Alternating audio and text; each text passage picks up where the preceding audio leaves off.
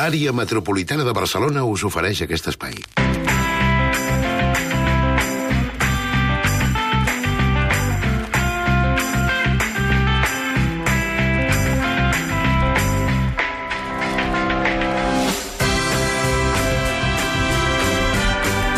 Propòsit per aquest cap de setmana és comprar-vos el llibre del Jordi Nopka, Puja a casa, el primer, però ens en farem uns quants més i us convidem també... Una de les dues noies surt de la caseta per anar a Ja buscar l'està llegint, el tenen Pots vocalitzar? Ets dels que llegeix en veu alta, sempre? Sí, sempre. Després hi ha gent que llegeix i mou els llavis, eh? resseguint tot el que està llegint, però no ho acaba de dir. 932017474, la tribu arroba catradio.cat, Facebook i Twitter arroba tribu catradio, per si ens voleu explicar què fareu vosaltres aquest cap de setmana, Xuriguera. Tot, tot el programa anirà sobre el Nop que avui? No, a les 6 ja marxarà i entrarà Jaume Creixell. Perquè estem... Eh, Jaume Creixell, oh, mare meva. Que també ha escrit un llibre. Exacte. L'envies, comença tu. Primer propòsit per aquest cap de setmana, seguir de prop la història de la família Simon o Simon? Simon, Simon. Simon, perquè són alemanys. Uh, I ara us diré per què, uh, a, a què ve tot això. Deia Stanley Kubrick que el que veurem a continuació era la seva pel·lícula preferida, però si és coneguda, sobretot, és perquè és la saga eh, més llarga de tota la història del cinema. Un projecte mastodòntic amb símptomes de la fantiasi que va començar a rodar fa 30 anys i que encara no està acabat. Què? De moment dura ni més ni menys que 53 hores i 25, se- eh, 25 minuts, perdó, eh, però cada any el seu director, Edgar Rice, es dedica a rodar una miqueta més de material, anar alimentant la bèstia i el suflé, mica en mica, es va engreixant d'aquesta manera. La pel·lícula, llarguíssima, es diu Heimat, que significa pàtria en alemany, i abans d'explicar-vos de què va, voldria escoltar els soldats que ens va cantar Marlene Dietrich. Wenn die Soldaten durch die Stadt marschieren. Per això pretén aquest senyor que, ho- que ho veiem tot seguit? No, no, per l'amor de Déu, seria impossible. Estaries mm, més de dos dies concentrat eh, seguint una quantitat de temps impensable. Això és una miqueta eh, com el que va fer Presley a El Temps i els Conway, eh, però... Una obra de teatre, però, eh? Una obra de teatre, molt bé. Molt bé, està wifi, exactament. eh? I també una miqueta com el que va fer Richard Linklater a Boyhood, però encara més monumental. Us explicaré com va la història. L'any Calleu. 1984, Edgar Rice cridis, va començar a explicar-nos uh, un melodrama familiar ambientat a la regió mm, rural de Renània, Alemanya, just després de la Primera Guerra Mundial. Eren bons temps per a la televisió Uh. i Fassbinder havia rodat feia molt poquet, havia estrenat Berlin Alexanderplatz, la seva adaptació de, de la la novel·la novel·la. de Dublin. Exactament, Xuriguera. Veig que avui m'estàs seguint molt bé. I Edgar Rice va decidir, molt. va decidir enganxar-se al carro d'en Fassbinder i estrenar una sèrie de telefilms d'alta costura, una sèrie que es va convertir en sèrie de culte i que va tenir mm, tan bona acollida que va anar continuant la història a mesura que passen els anys. Aquella primera mm, incursió en el melodrama del Simon, que tenia lloc just després de la Primera Guerra Mundial, es van allargant eh, llarg de la història, vam anar passant la República de Weimar, vam arribar al naixement del nazisme, la Segona Guerra Mundial, la Guerra Freda, la caiguda del mur, i així fins a l'actualitat. Déu meu. Cada any va augmentant una miqueta més la cosa i si no estic parlant avui és perquè s'ha convertit ja en una sèrie de culte fabulosa. Moltes d'aquestes pel·lícules, al principi concebudes per la tele, ja s'han estrenat al cinema i aquesta Setmana Santa, avui faig trampeta, no és només recomanació de cap de setmana, sinó ja per totes les vacances, la Filmoteca ens proposa recuperar els primers episodis um, d'aquesta fantàstica sèrie Bravo! Bravo per la Filmoteca! Visca! Girona que recuperés aquesta filmació històrica. El cicle No dedicat... tens vergonya. No tens vergonya. No, I ara que sobte- arriba Setmana Santa, això es considera una blasfèmia total i aniràs a l'infern. Li has fet inflar una vena del cap, eh? Se m'ha No inflat sabia ni que totalment. tenia. Patiu. O I a mi una altra, perquè se t'està fotent la xocolata. Mira, no? jo anava a dir això. Home, Un tio que, que que n'hem clar. arribat aquí, diu, porto dos dies menjant i bevent, que estic molt tip, i ha entrat un got de xocolata desfeta, que a més es veu quan està fet, i se l'està fotent! És que se l'està fotent! en està acabat de fer, eh? t'haig de dir que l'he portat jo. Ah. El cicle dedicat a Heimat d'Edgar Heights es podrà veure a la Filmoteca de Catalunya a Barcelona a partir del dia 1 d'abril. Barracón, pròxim propòsit per aquest cap de setmana, celebrar amb alegria que avui és el Dia Mundial del Teatre. Los chicos y chicas, radiantes de felicidad.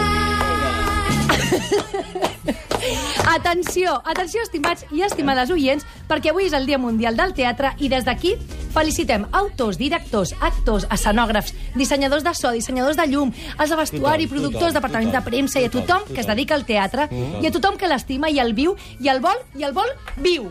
Visca! Oh. Visca el teatre! Molt Necessitava dir exactament això.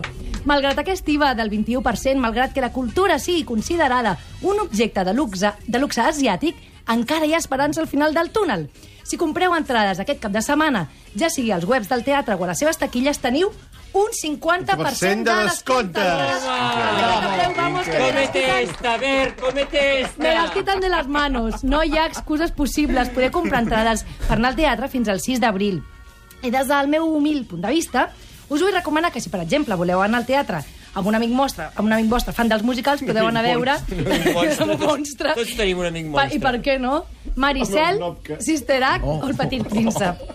Si voleu anar amb el vostre nòvio o nòvia, no us bé, podeu bé. perdre... O sigui, ara això és una llista per Sí. obra de teatre en funció de qui t'acompanyi. Exacte, no? tu Val. dius, ara, com que estan a meitat de preu, doncs vaig a convidar algú. Li dius, Si vols anar amb la nòvia o el nòvio, heu de veure Tortugues a la sala Flyhard. És Si una vols història anar- d'amor tan bonica. Vinga, endavant. si vols anar amb la mare, Jo la portaria a veure Albe- Albertino Osborne, dos caradures en crisis, o pels pèls al Teatre Condal.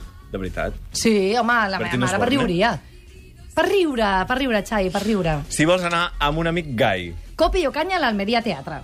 Si vols anar amb el teu fill petit, Hi ha el Pocoyo al Club Coliseum. No m'ho puc creure, el Pocoyo sí, està al teatre? el Pocoyo.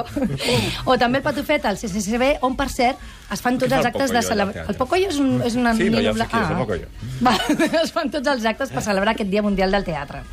molt bé, amb, el, amb un amic molt teatrer, L'art de la comèdia al TNC i la Pols a la Villarroel.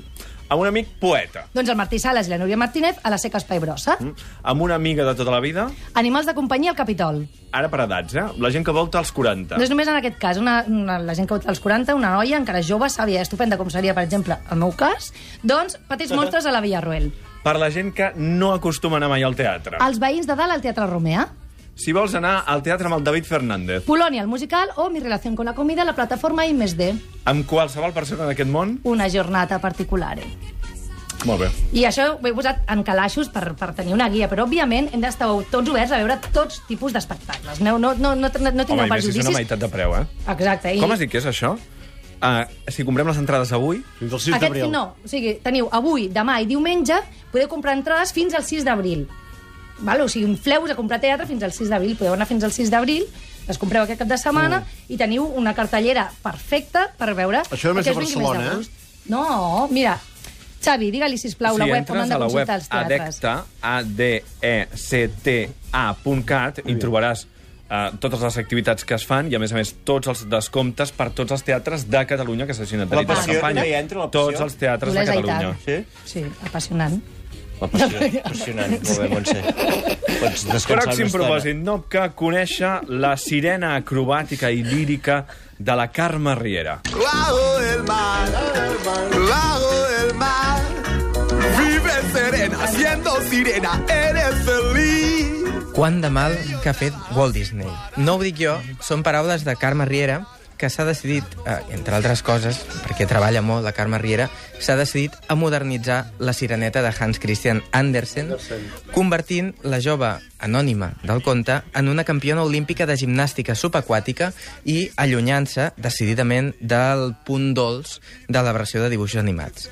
La protagonista de La veu de la sirena, que és el llibre de Riera, es diu Cliodna, i té arrels familiars menys distingides que el personatge d'Andersen. Recordeu que allà el pare era Neptú i aquí, diguéssim que el pare de Cliodna només treballa per Neptú.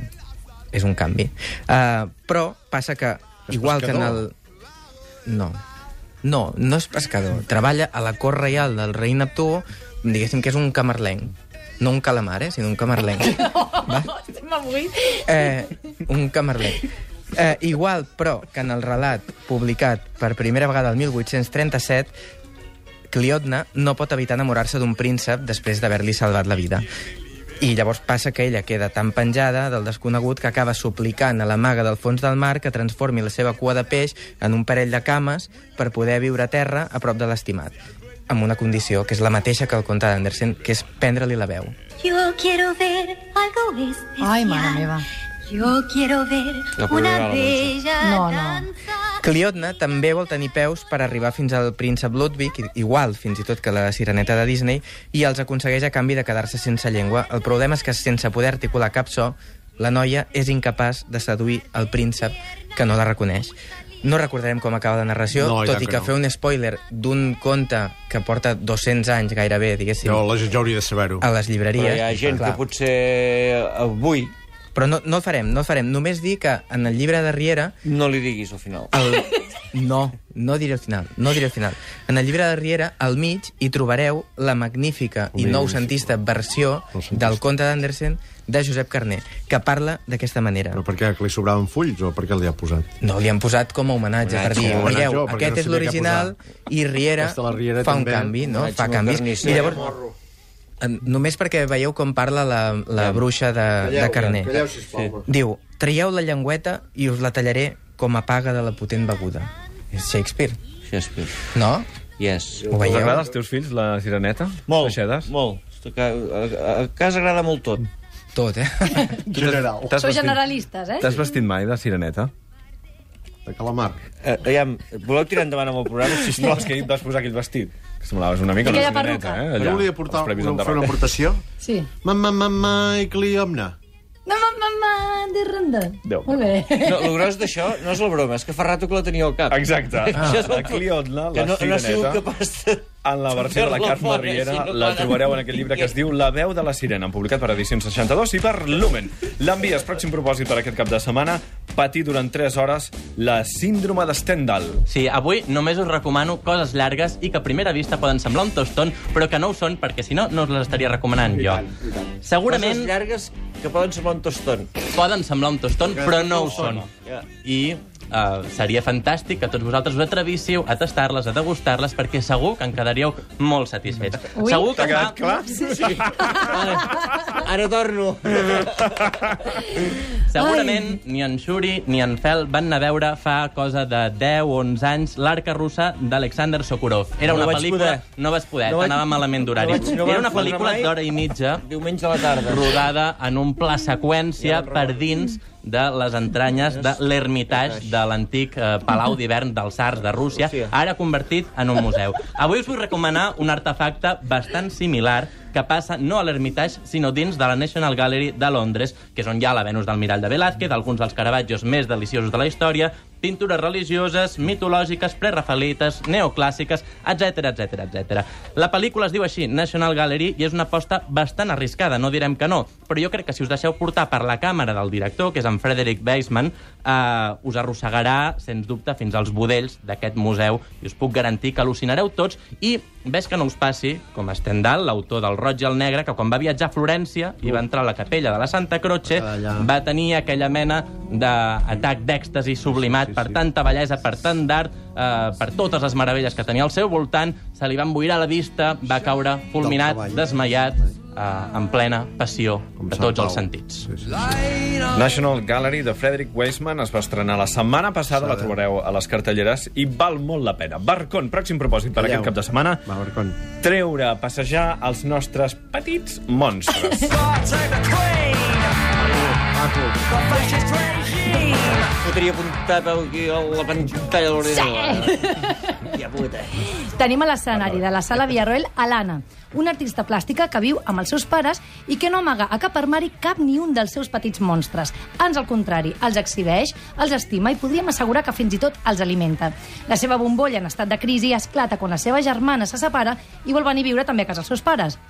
És una obra que es deixa veure molt fàcilment, dura una horeta i 20 minuts, i és un ping-pong de diàlegs i unes agudes sentències que ens regala una monstra, l'actriu Vanessa Segura. El text és de Marilé Samper, que anteriorment havia dirigit Pulmons, mm. i fa olor que és una mica autobiogràfica. En aquest cas l'acompanya al repartiment la Mireia Pifarré i en David Bert, estan a l'alçada i completament uh, traçant aquesta partitura d'aquesta simpàtica cançó. Riureu segur. Nos han cerrado por defunción, se nos ha muerto toda la ilusión y Podeu prendre alguna cosa a la sala del al bar de la Villarroel i fer doblet per poder veure La Pols. De fet, us diria que heu d'anar a veure sí o sí La Pols. Un text de Llàzer Gràcia que no us podeu perdre de cap manera, Xavi. Petits monstres i La Pols, les dues últimes Se recomanacions per aquest cap de setmana. Gràcies, l'envies, gràcies, Nopca, gràcies, Barcon. Ja Bon cap de setmana a tothom. He vist com es van crear, com s'han transformat i com seran en el segle XXI les nostres ciutats, la nostra metròpolis. Visita l'exposició Metròpolis Barcelona, del 29 de gener al 25 d'abril a l'edifici Disseny Hub Barcelona, a la plaça de les Glòries. I tu, com te la imagines? AMB, Àrea Metropolitana de Barcelona.